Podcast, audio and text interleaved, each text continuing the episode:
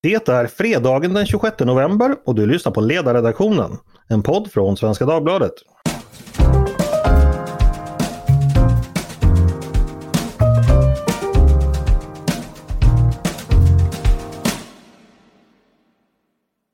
Hej och varmt välkomna! Det har blivit långt gånget på 2021 nu. Vi är framme i vecka 47 faktiskt. Första advent står för dörren, december står för dörren, På spåret-premiären står för dörren. Det är helt enkelt fullt utanför dörren. Men som vanligt på fredagar ska vi försöka avlasta er med lite kloka tankar och analyser om den vecka som gått och de händelser som timat. Jag heter Andreas Eriksson och med mig för att gå igenom veckans händelser har jag en urstark uppställning ledarskribenter hämtade direkt från Schibstedhuset på Västra Järnvägsgatan. Och eftersom jag valde den högra dörren ut från köket så plockar jag dem dessutom från rätt redaktion. Så vi kommer garanterat att få kloka svar. Välkommen hit Maria Ludvigsson! Tack så mycket! Eh, du är avsaknad av både chefredaktör och biträdande chef idag. Så tar jag dig först i egenskap av ålderspresident på redaktionen. Och tack för att du inte sa åldermor som jag fått heta Nej. tidigare. Nej, det är ålderspresident. Men, men eh, är det en titel som betyder mycket för dig? Ja, det gör det. Eh, det var, I min ungdom då var det så att då var det väldigt fult att vara kort på olika jobb för då skulle man bli uppfattad som hoppjerka. Så det är Exakt. idealet att man ska vara länge på ett ställe finns kvar. Så jag låtsas Mm. att det, det är helt normalt och att det jobb jag har idag var något helt annat än när jag började för många år sedan. Just det. Och det är det En också. annan eh, som ska vara både president och miljonär det är förstås Mattias Svensson. Välkommen hit! Hallå! Hur är läget med dig? Det är bra efter omständigheterna. Jag har ju varit hemma med en illa tilltygad hund, men hon mår bättre och är klart piggare, så det känns bra. Jätteskönt att höra. Och har vi då ett kärt gästspel i panelen, men ni känner ju förstås till honom. Poddproducenten själv från Höga Nord, Jesper Sandström. Välkommen hit! Tack, tack. Du, i Stockholm har vi minusgrader. Jag antar att ni i Norrbotten har det än kallare. Desto fler minusgrader, ja. Det är ordentligt bitigt. Mm. Och elen är dyr, även här. Ja, fast den är väl billigare än här, här i, i, sö- i söder. Lite, men eh, dyrare än på bra länge. Vi ska prata mer om det sen, gissar jag. Det ska vi verkligen göra. Men du, det är ju så sällan vi har med dig i panelen. Eh, Det är ju så att du härstammar ju från Gällivare, inte sant? Det stämmer. Har du hört talas om historien när Likavara Frans höll tal i Gällivare? Inte om talet specifikt, nej. Jag har mest hört hans sånger om att dricka brännvin och ta sig till pärleporten på sikt. Men då, då, då passar det på att ta den. Den historien går nämligen så här. En gång för länge sedan skulle Hjalmar Branting hålla tal till gruvarbetarna i Malmfälten. På Karakatorget i Gällivare hade man rest en majestätisk talartribun och en mängd, mängd människor hade församlat sig. Men av någon anledning så dröjde Branting. Då uppenbarade sig en liten man som trängde sig fram genom massorna, klev upp på talartribunen, höjde en knuten näve i luften och ropade Kamrater! Mötesdeltagare! Är det någon som kan låna mig 25 kronor? det var alltså Likavara Frans. En eh, timmerman, eh, dräng och folklig diktare. Och hade jag fortsatt historien nu så hade jag sjungit just Likavara Frans Gällivarevisa. Men så kul ska vi inte ha. Och, eh, men det kan vi kanske göra vid ett annat tillfälle. Eh, kände du till den här historien Jesper? Eh, Nej, det, det gjorde jag inte. Som sagt, mest hans eh, sånger om brännvin och annat, men inte, inte just den här historien. Den kan man för övrigt höra på Fria Proteaterns skiva eh, Visor från ljugarbänken från 1975. Det är därifrån jag har tagit både fakta och de exakta ordalydelserna i den här historien. Och där kan man också höra Gällivarevisan sen, så det rekommenderas varmt. Tänkte på lördag skulle fara in på Gällivare, gå Karakatorg, där pjuta, dricka brännvin, svenska gott som själva satan Voivo. Här vara roliga liven, med bara laxmål och gniven, och åka på listazonen jävliga fasonen, och sitta in halva natten, och leva limpa och vatten, och komma ut morgongröken, de säger knappast då och göken. Hörni, eh, det har varit en hektisk vecka i politiken. Eh, vi avhandlade just regeringsbildningen noggrant i podden igår. Eh, men det var ju tre andra redaktionsmedlemmar, så det var intressant att höra hur ni tre har tänkt och tycker kring detta. Eh, jag tänkte börja med dig Mattias. Onsdagen Eh, när allting hände. Var du förvånad över utvecklingen då? Eh, ja, det får jag ju ändå medge. Det, eh, det, det hände ju en hel del och jag, jag tror att bara, bara, bara den mest blaserade kunde säga att ja, vi såg allt det här komma. Jag blev i alla fall en överraskad över händelseutvecklingen. Om vi tar det steg för steg. Eh, Magdalena Andersson väljs. Eh, hennes budget eh, eh röstas ner eh, till förmån för Moderaterna, Sverigedemokraterna och Kristdemokraternas budget. Miljöpartiet hoppar av och då avgår också Magdalena Andersson. Var det något särskilt i de här fyra stegen i händelseutvecklingen som du tyckte var extra anmärkningsvärt? Ja, det blev ju eh, mer och mer spännande eh, med tiden. Alltså, eh, bu, bu, ut, utfallen i de båda om, omröstningarna var ju, var ju kända och väntade, men att eh, Miljöpartiet då skulle komma på att de eh, skulle hoppa av eh, och att eh, Magdalena Andersson därmed också skulle se sig eh, tvungen att hoppa av eh, blev, ju, blev ju spännande tvistar som, som jag inte hade väntat mig i alla fall. Gjorde Miljöpartiet rätt, tror du, utifrån sitt eget perspektiv? Ja, alltså det är ju en regeringskoalition som inte har varit lycklig för någondera parten. Alltså tanken var ju att, att Socialdemokraterna skulle liksom kunna inkorporera ett ungt, pikt och eh, intersektionellt alibi i, eh, i, i den eh, multikulti-kampen. Eh, men eh, precis då, precis som när de bytte till Framtidspartiet så blev, eh, så blev woke och framtid, eh, fr, framtiden eh, ute och eh, förväntningarna uteblev och Miljöpartiet har istället eh, irriterat kärnväljare som lämnat socialdemokratin för andra. Och, och, Miljöpartiet har förstås inte heller vunnit på att sitta med betongkolossen sossarna och tvingas till kompromisser och, och förvandlas till oigenkännlighet i alla frågor från värnplikt till migration till övervakning till eh, upphovsrättsfrågor och eh, ja, you name it. Mm. Ingen lyckad, eh, lyckat äktenskap där kanske. Eh, Mia, vad tänkte du i onsdags när du följde de här uh, olika stegen i skenet som jag beskrev tidigare? Jag tillhör inte de som är coola och säger så när politiken, utan jag tyckte det var väldigt märkligt och rörigt och på något sätt ett uttryck för att den yttersta tiden är nära. Nej, inte riktigt så, men det, var, det är väldigt rörigt och mycket konstigt. Och så blir det kanske när man eh, går in i regeringssamarbeten av taktiska skäl och inte av idémässiga skäl. Men en annan sak, just det här med mm, hur Miljöpartiet nu både har förlorat regeringsmakt men också vunnit den eh, makt som de tidigare var mer beroende av, eller som kanske fortfarande, detta att kunna vara mer av ett idéparti än ett maktparti. Att här att behöva sitta i regering och ta ansvar för helhet och sånt, det är inte riktigt det är inte deras sak. Och där, Birger Schlaug har ju varit inne och kritiserat dem att de säljer sin själ när de går det in i ett regeringssamarbete. Ja. ja, det är liksom hans roll. Mm. Eh, och det ligger ju någonting i det, att antingen så är man ett idéparti eller också så är man ett mer pragmatiskt parti. Och är man de gamla partierna har ju blivit bra på det där och har blivit allt, eller bra, de har blivit duktiga på det här att eh, vara mer regeringsfähiga, lägga ideal åt sidan för att vara pragmatiska och, och finna kompromisser. Och det här mm. är ett, liksom ett vägval som Miljöpartiet inte fullt, helt och fullt har gjort. Mm, Okej. Okay. Eh, Jesper, har du någonting att tillägga där om Miljöpartiet eh, eller om någonting annat av det som hände?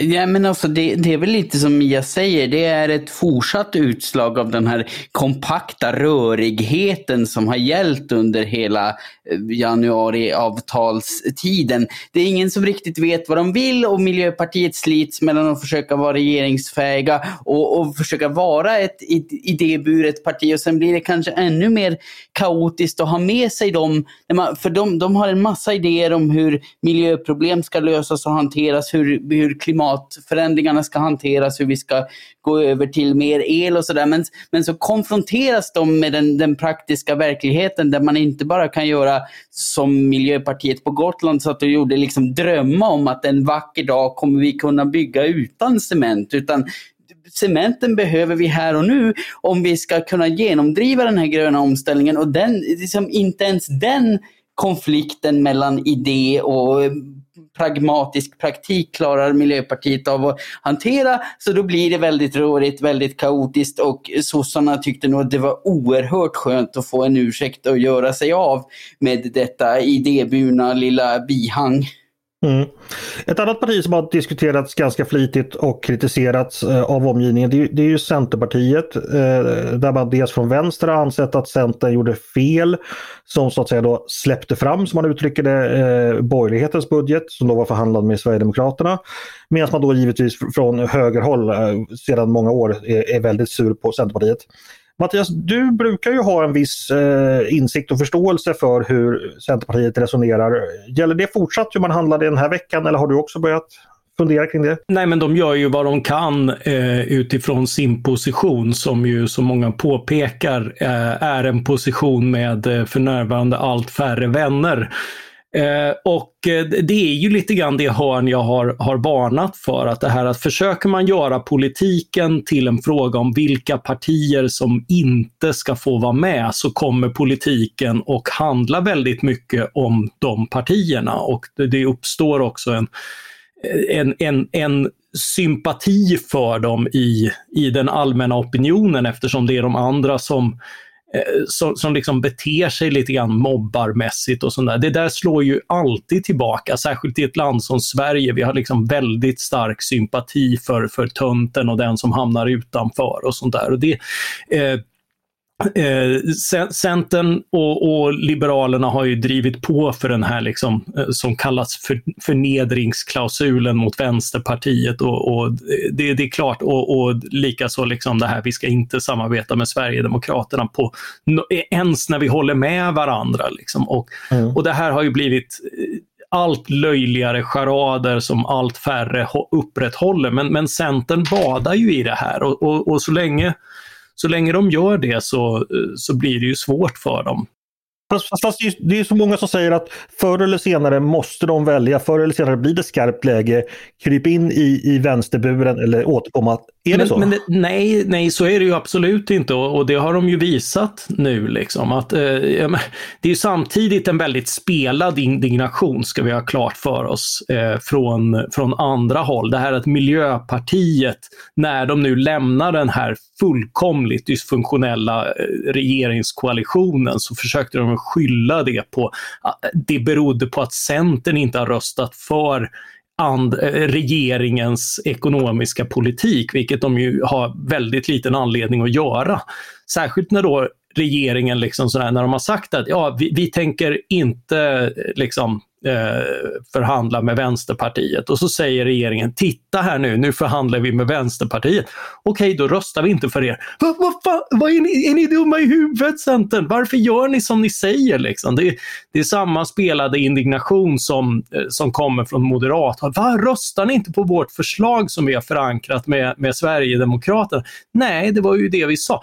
Jag, jag tycker inte att det är det är en klok strategi i sak. Jag tycker att man ska utgå från sakpolitik och vad man kan få igenom.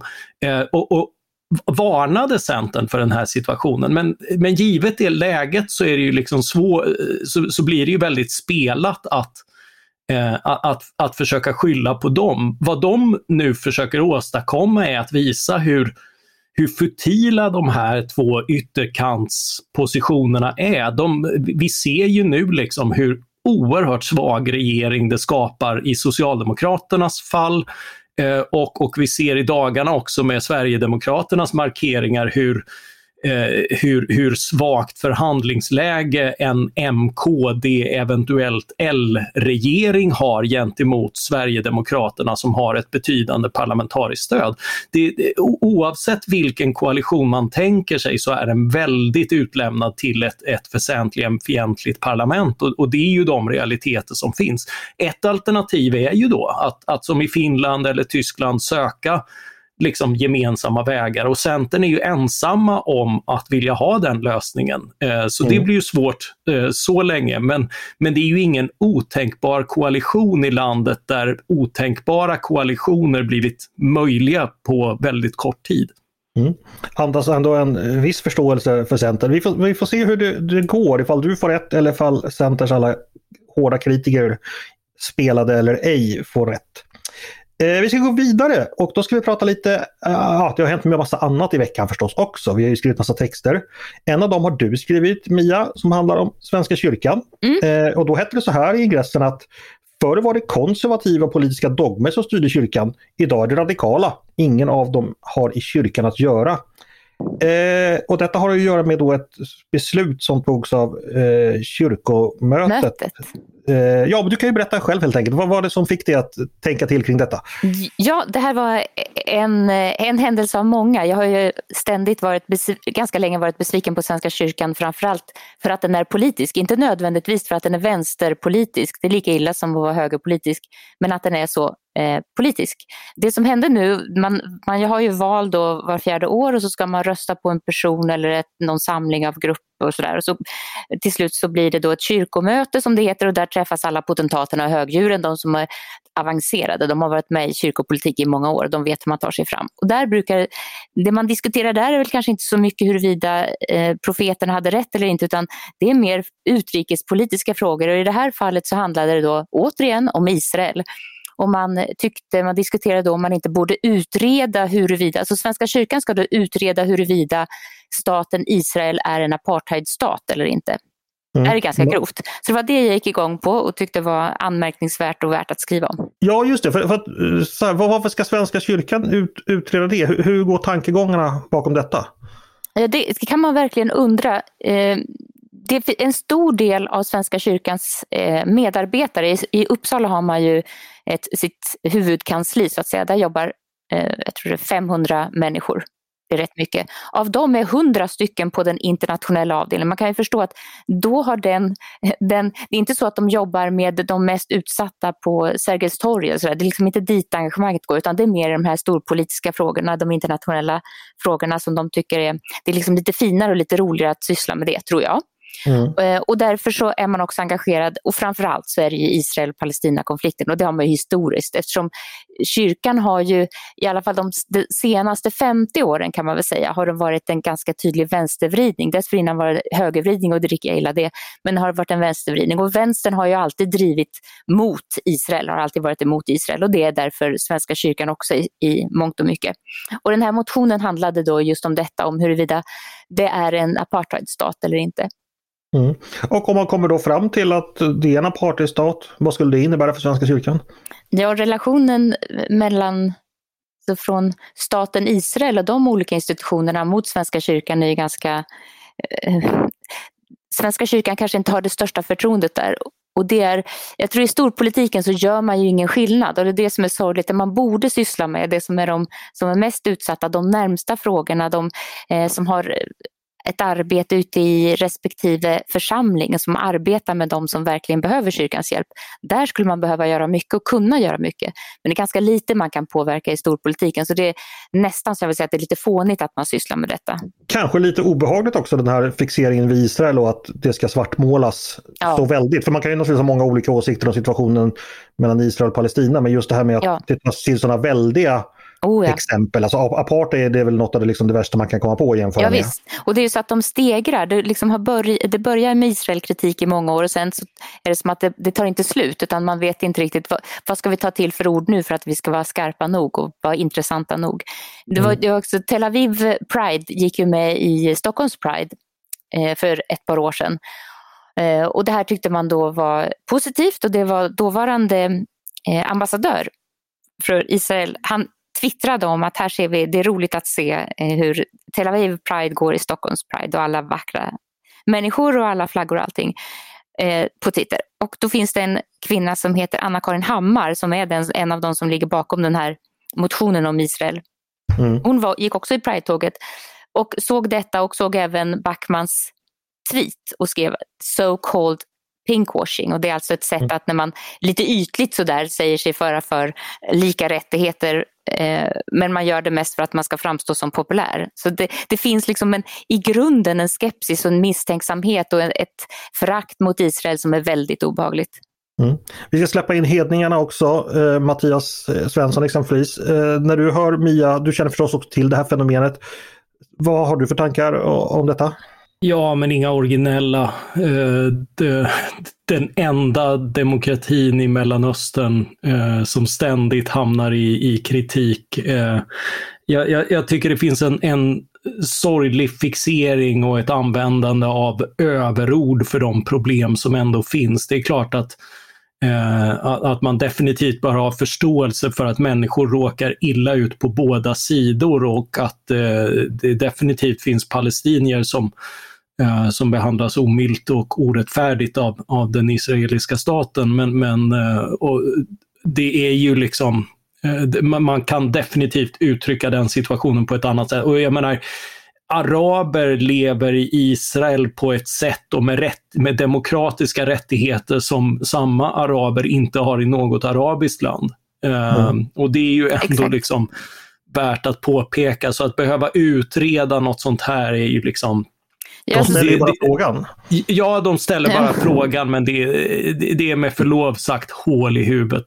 Ja, man, okay. kan också, man kan ju också tänka sig så att om de verkligen bryr sig om människorna där så skulle de ju utreda hur man har det i Palestina egentligen. För det är ju inget land för varken homosexuella eller heterosexuella att vara särskilt trygg eller, eller säker Nej, eller, eller eh, särskilt lätt att vara kristen eller jude Nej. för den delen. Nej. Nej. Kyrkobroder Sandström, eh, har du några tankar om detta? Nej, men alltså, alltså just, det, just det sista som Mia sa här brukar jag ofta trycka på att om det nu var en genuin omsorg om människor, ja men titta på Palestina då. Titta hur det är ställt med mänskliga rättigheter där. Ja, det, det, det är självklart att det finns saker att kritisera Israel, men det är så provocerande ytligt att rikta in sig på Israel som den stora ondskan i sammanhanget. Det är så jäkla... Då, då, då, har man liksom helt missat att faktiskt på något mer grundläggande plan bry, bry sig om mänskliga rättigheter för alla. Då, då ägnar man sig bara åt liksom schablonmässigt vänsterpolitiskt stereotypt gnäll. Mycket bra. Lika vara Frans hade varit stolt över det talet. eh, hörni, vi ska gå vidare. Eh, Jesper går vi vidare med faktiskt. Eh, uppe hos dig pågår ju något som har beskrivits som ett nytt Klondike. Eh, minus förfrysnings, förfrysningsskadorna och bordellerna.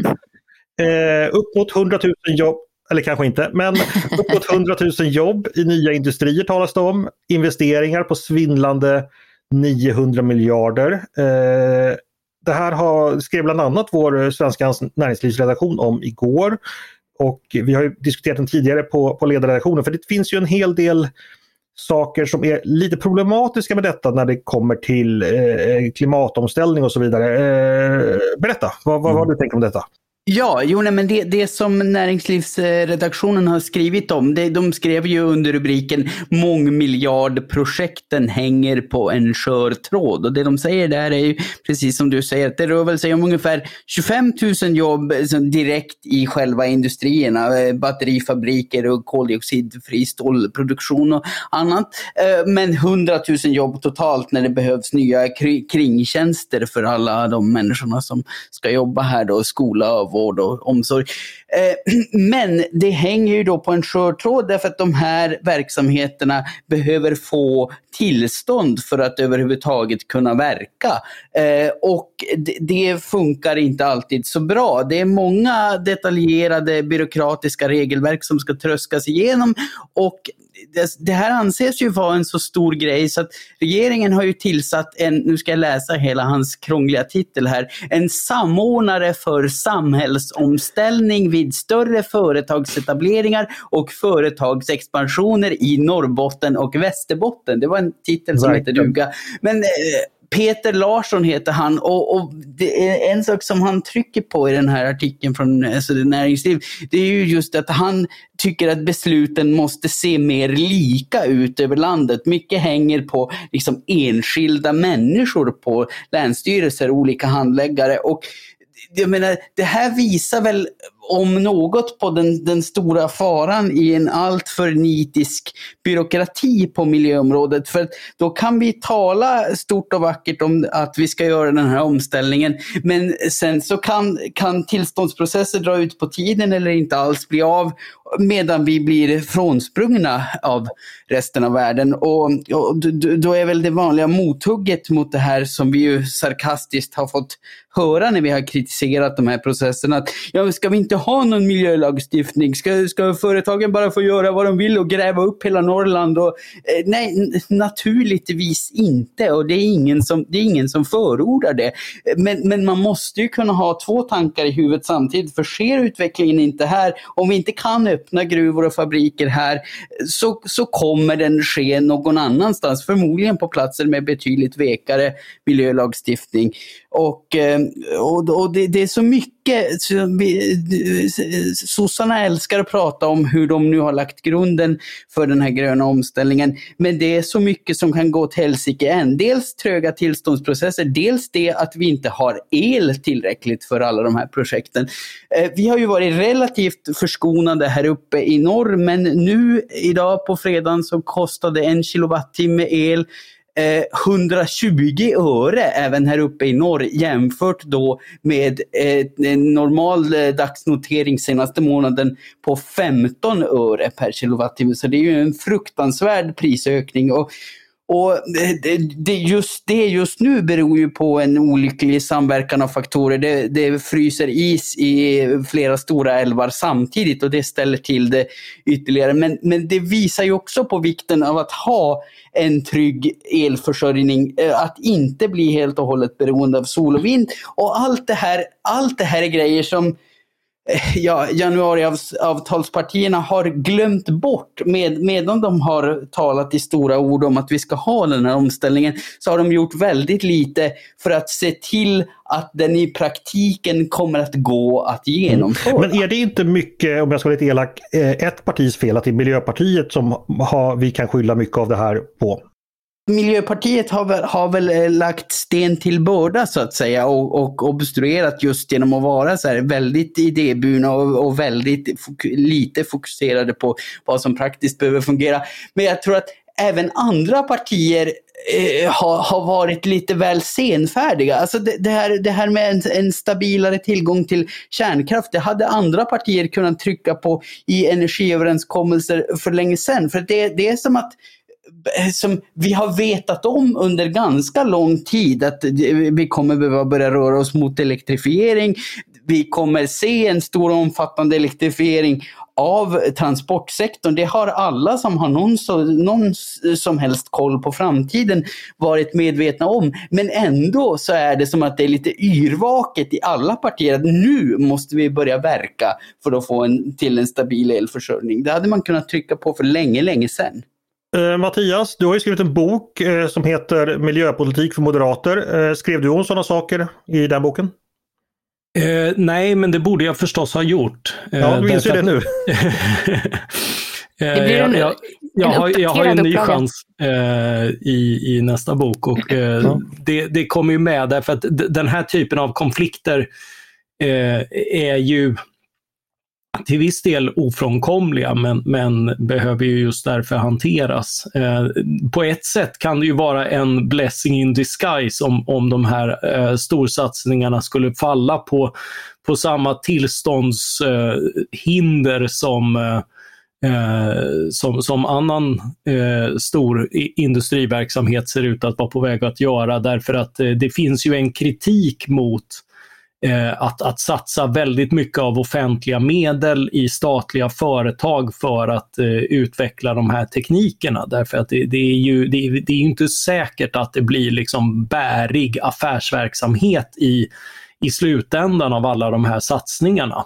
Eh, det har ju bland annat Magnus Henriksson i, i eh, podden här och, och våra vänner på Smedjan, eh, Tobias Samuelsson, har ett eh, reportage som är mycket läsvärt med, med alla sidor i detta. För det är klart att jag, jag, tror att alla önskar projektet framgång med tanke på liksom hur, hur oerhört värdefullt det skulle vara att kunna ställa om industriproduktion till, eh, till liksom, eh, olika, eh, Eh, förvisso energikrävande men, men eh, eh, fossilsnåla produktionsvarianter av tung industriproduktion och att sprida det över världen. Det vore det vore betydligt viktigare än, än att hålla på med, med småduttande som subventionerade elcyklar och annat.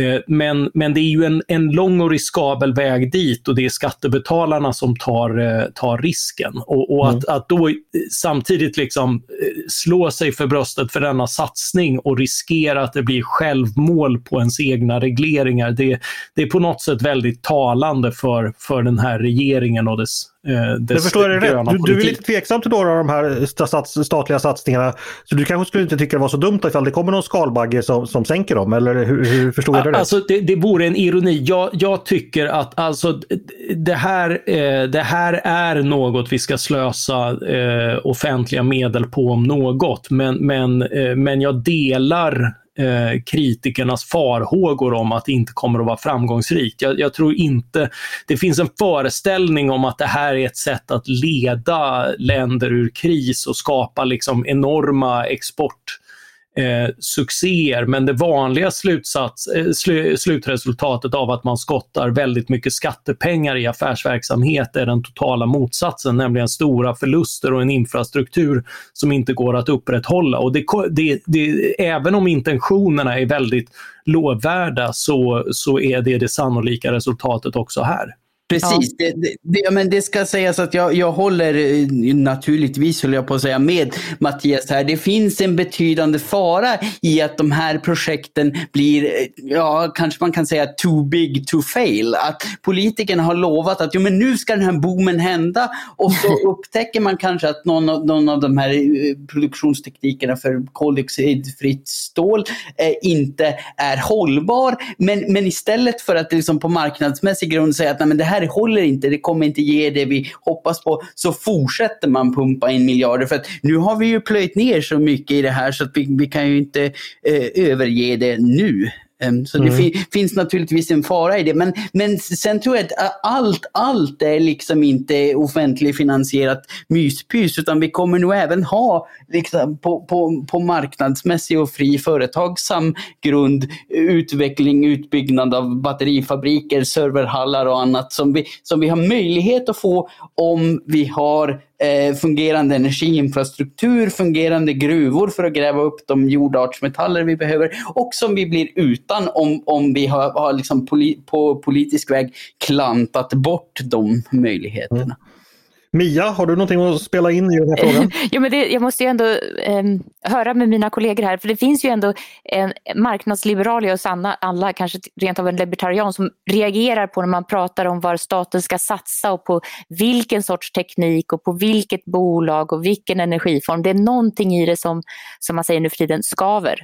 Där att, liksom uppfattningen om att all kunskap kan vara allokerad centralt när det egentligen är tvärtom. All kunskap är decentraliserad och då kan man heller inte centralt ha kunskap om vad som är det optimala sättet, till exempel vilken, vilken energiform är den bästa.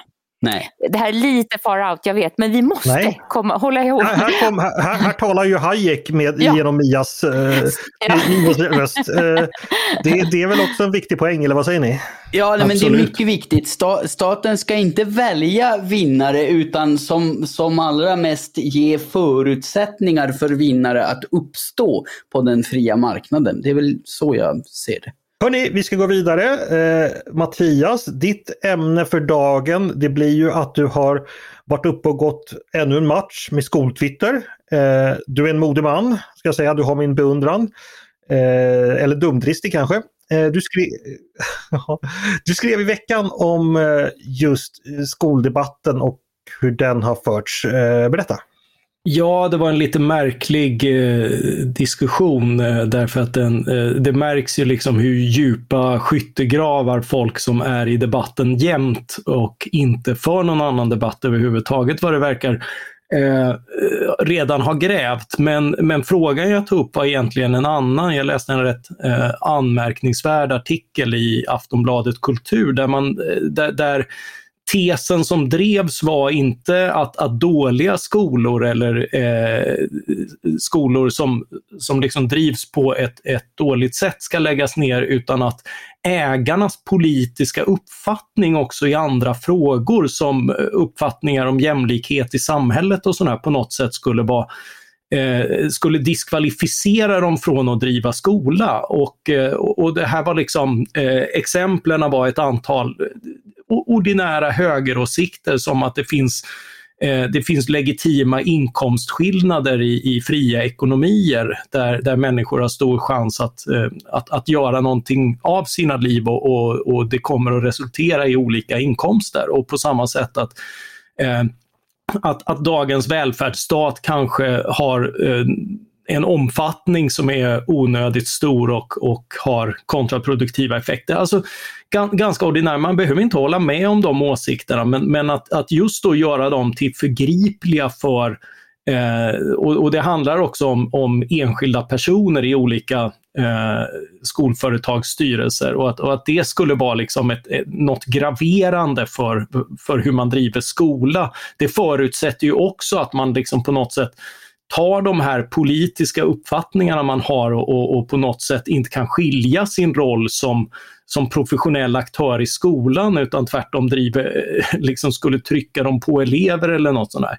Jag tyckte det var ett väldigt märkligt och ganska farligt eh, eh argumentation och, och invände således och fick då alla på mig som eh, som på något sätt är kritiska mot friskolor av helt andra skäl. Eh, mm. och, och där, där oroväckande nog, eftersom det här är en väldigt eh, homogen och drillad grupp, många liksom satt och instämde i att nej men det är nog rimligt att alla med någon form av borgerligt torgförda uppfattningar inte ska eh, kunna driva skola, för det är nog mot lagen. Det var till och med någon docent eller annat som, som kom in på att det nog var emot grundlagen att ha borgerliga uppfattningar om det här, i alla fall om man, om man vill driva skola. Yep. Och, eh, och, och eh, ja, det, det, det var eh, på sina håll en argumentationsnivå som gör en, eh, gör en påmind om att, eh, att, att skolans enda problem inte är eh, privata alternativ.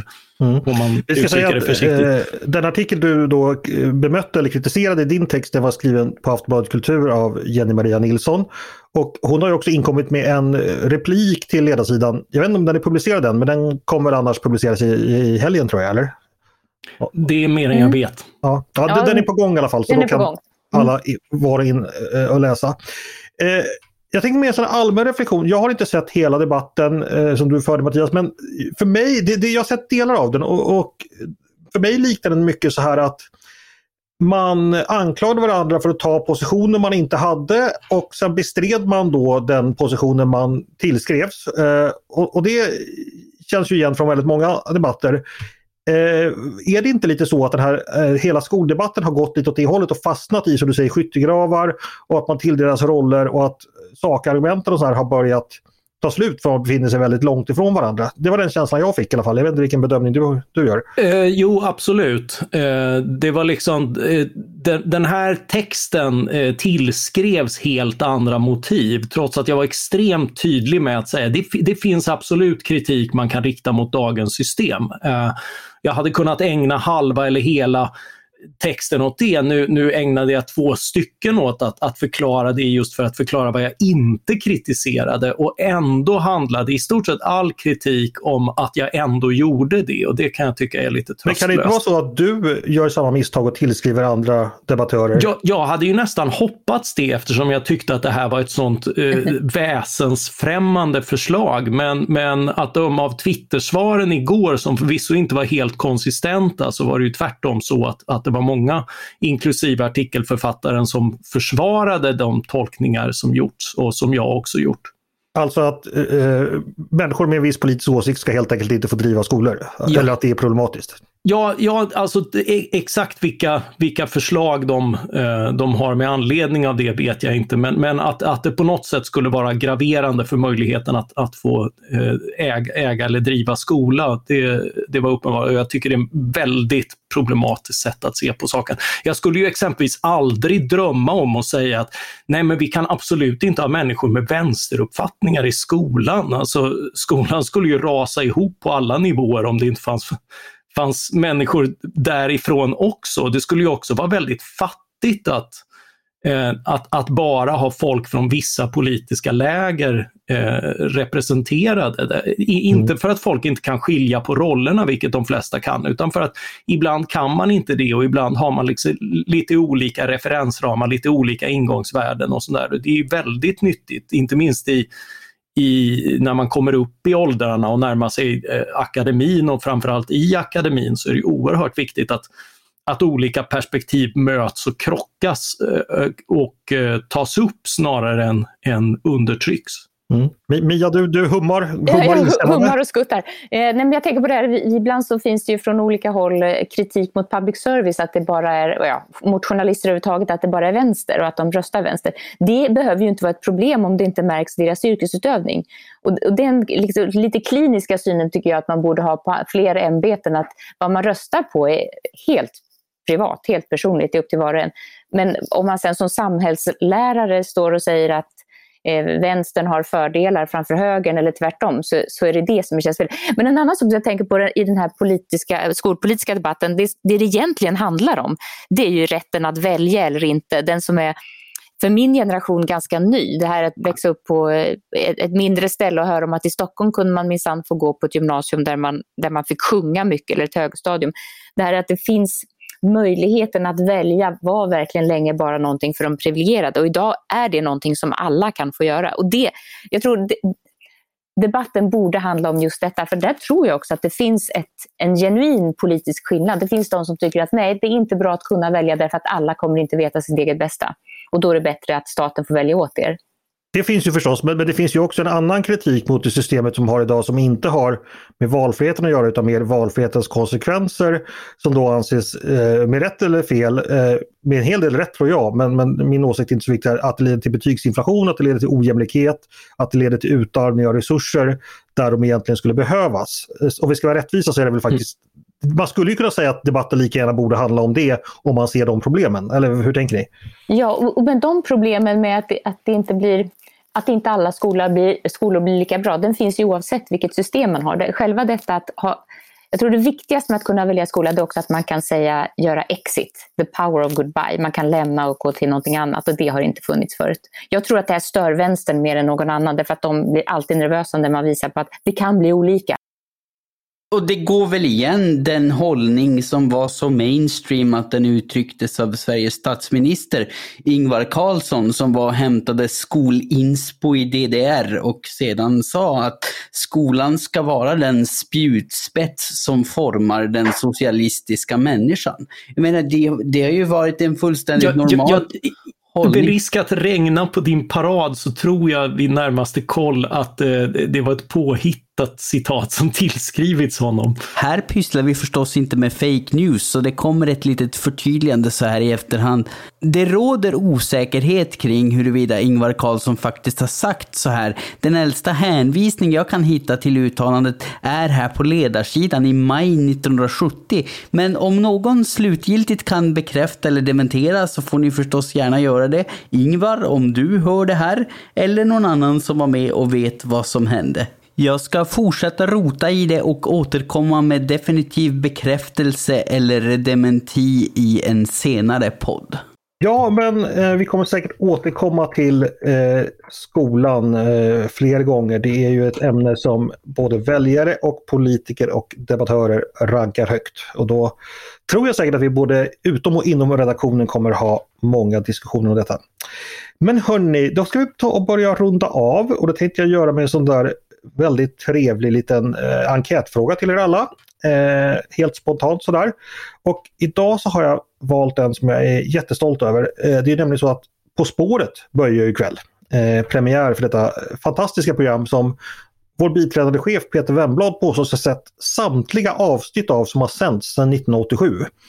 Eh, vilket jag tror behöver faktagranskas för att jag kan inte tänka mig att någon har hunnit med, med, med att sett alla. Eh, men min fråga helt enkelt till er är så här, om ni skulle vara med i På spåret, då skulle, vilken politiker skulle ni vilja ha bredvid er i buren och varför? Eh, alltså lek med tanken, ni, Christian Lok ringer och säger så här, hej, du ska vara med På spåret, välj en politiker och tävla med. Det tror jag skulle bli väldigt intressant att höra. Och jag tänkte vi ska börja med eh, dig Jesper. Vem skulle du?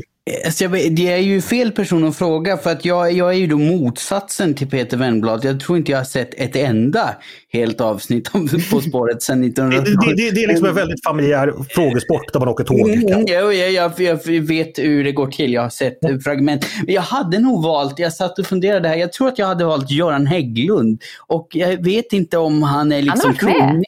Han har varit med faktiskt. Ja. Ja, det har, det har jag alltså helt missat. Jag valde honom helt på, på preferens. Jag vet inte alls hur han var i På spåret, men, men jag, jag tänker att han är, han är liksom behaglig, han är rolig. För det, för det, är ju, det är det svåraste när man ska välja bland politiker. Väldigt många politiker är ju fruktansvärt tråkiga att, att lyssna på. Så att det hade fått vara Göran Hägglund, men om jag ska välja någon som inte har varit med då, Jonas Sjöstedt hade jag i så fall valt, för han är ju också rolig och, och kan ju liksom prata och det hade nog blivit bra tv, tänker jag. Ehm, men, eh, men jag vet inget om hans allmänna kunskapsläge heller. Hade det varit bättre hade han väl inte varit socialist, men ja. Ja, men mycket bra. Det är intressant att du tänker precis som, som På spåret-redaktionen och väljer i första hand då Göran Hägglund. För han var ju med och var väldigt duktig och, och gjorde stor Och succé. trevlig. Tävlade, och jättetrevlig. Tävlade då tillsammans med nuvarande skolminister Anna Ekström. Exakt. Jag kanske undermedvetet vet att han har varit med, men jag hade alltså ingen klar bild av det i huvudet, utan det var helt på personlig preferens. Ja, men eh, då tar vi dig då Mia. Vem, vem skulle du välja? Jo, eftersom man, då, man måste kunna geografi, för det, det är liksom det man tar det på först. Och sen ska man kunna om de platserna också. Jag skulle absolut välja Carl Bildt. Jag tror han har järnkoll på exakt hur hela jordgloben ser ut och varenda liten å, om inte annat. Problemet är väl att han, han hellre flyger än åker tåg. Ja, precis. Men han, väl framme. Jag tror jag är ganska bra på att ta den där själva sträckan. Den, det brukar jag intuitivt klara ganska bra. Men, men sen vad, vad man ska veta, så att veta massa saker, hur många bor där och vad är främsta näringskälla och sånt där, det tror jag, då tror jag han skulle vara bra. Mm. Men om inte han kunde, då skulle jag välja Ulf Kristersson därför att han är väldigt bra på svensk pop. Mhm. Och det är mycket popfrågor. Det är jättemycket. Det, Ja. det är kanske inte så välkänt om honom att han är ett popsnöre alltså. Äh, riktigt sånt. Berätta, vil- vilka, är det sån här gammal indiepop från 90-talet eller är det modernare saker? Eller Han vad? är väldigt förtjust i Kent. Så får ni Aha. förstå resten. Men överhuvudtaget svensk pop, alltså det som kommer nytt tror jag att han som regel lyssnar på. Mm, fantastiskt. Mattias då, vem väljer du som din burgranne i dressinen eller första klass eller var ni nu hamnar? Jag är, jag är verkligen inte hemma, hemma på det här så jag skulle absolut inte, inte ställa upp om, om frågan var på riktigt. Eh, min närmsta kontakt med det här är nog att jag, jag är lite av högerns Björn Hellberg som åker omkring med mina böcker. Och, Och sitter där helt eh, ensam och, och, och sitter, sitter helt ensam och, eh, och säljer den till två, tre stycken på ren arbetsinsats. Men eh, eh, han, han är väl inte kvar längre va? Nej. Eh, Nej, Björn Hellberg försvann för ungefär 15 år sedan om vi ska hålla det uppdaterat. Ja, men eh, är det nuvarande eller före detta politiker? För före detta skulle jag nog ta eh, Anna Kinberg Batra, för jag tror vi hade haft väldigt roligt på vägen ut för. Eh, och och hon, hon är väl med i något annat frå frågeprogram. och Hon är med i det här Alla mot alla som Filip och Fredrik har och, och de tävlar tillsammans med sin man David Batra. Och de är jätteroliga och jätteduktiga. Ja, eh, så, så det, är ju, det är ju ett bra. Men är det, är det någon nu aktuell så skulle jag ju ta Magda förstås. Alltså, hon är ju skarp. Eh, och ska ju dessutom ha en, eh, hon, hon har dessutom humör och tysk humor. Så det, det skulle jag gärna... Vilken det, kombo. Det, ja, man vill ju bara ha mer av det. Spännande! Vi, det är, det dessutom skulle hon vara lika obekväm som jag i de här leksammanhangen Ja. tror jag. det är jätteroligt. Bara det är underhållning. Ja, jo, nej, men det hade varit extremt awkward. Eh, vi, vi, jag pratade faktiskt också med eh, redaktions, biträdande redaktionschef Peter Wennblad om detta som då är, jag tror han har varit svensk mästare i musikquiz eller nära på eller något sånt där. Och han eh, skulle ju aldrig vilja ställa upp i På spåret berättade han, för han skulle ju drabbas, trodde han av det här Göran Rosenberg moment, att man har en väldigt hög profil då som, som intellektuell eller i hans fall som musikkännare så kommer man med, med På spåret och sen så så visar det sig att man inte kan så mycket av de vanliga, vanliga allmänbildningsfrågorna. Och, och det svider ju i skinnet naturligtvis. Liksom, alltså. Eh, Jag tror Jesper uttryckte att han skulle behöva gå genom Visbys gator med en svart sopsäck över huvudet resten av livet. Så. Ja, så, jag, jag, skulle vilja se samtliga de här paren. Ni, ni, Jag tycker vi ringer upp Göteborgsredaktionen och säger att här har vi färdiga, färdiga par helt enkelt. Vi har en idé. Så hoppas vi att ingen har skrivit något olämpligt på Flashback under, under eh, pseudonym tidigare. Också. Vad var det där för referens? Var han med han eh, rektor Hamid? Ja, precis. Det var ju det som var den stora skandalen förra säsongen. att de hade till och med spelat in ett avsnitt med honom. Men så kom det ju fram då att han hade skrivit mycket olämpliga saker eh, på Flashback. Och då tog man helt enkelt bort honom och så fick man spela in ett nytt eh, avsnitt och eh, ja, göra om tävlingen för att det gick inte att ha med honom helt enkelt. Är det därför du inte har varit med Andreas? Du är ju annars oerhört allmänbildad. Ja, det måste ha varit mitt Flashback-alias som, som spökar. Alla vet att så fort jag dyker upp i På spåret så, så händer det tråkigheter. Hörni, vad bra, vad fint. Eh, jättebra sammanfattad eh, vecka. Jag tror att lyssnarna har en jättebra koll på allt som har skett. Stort tack Jesper, Mia och Mattias. Tack. Tack så tack. mycket. Trevlig helg på er också. Och trevlig tack första till- advent. Och trevlig första advent, det är det ju också på söndag. Eh, och tack till dig som har Jävlar. lyssnat på Ledarredaktionen, en podd från Svenska Dagbladet. Varmt välkomna att höra av er till redaktionen med tankar och synpunkter på det vi har precis diskuterat. Eller om ni har förslag och idéer på saker vi ska ta upp i framtiden. Maila då bara ledarsidan snabel svd.se. Dagens producent det har varit paneldeltagare Jesper Sandström. Jag heter Andreas Eriksson och jag hoppas att vi hörs igen snart.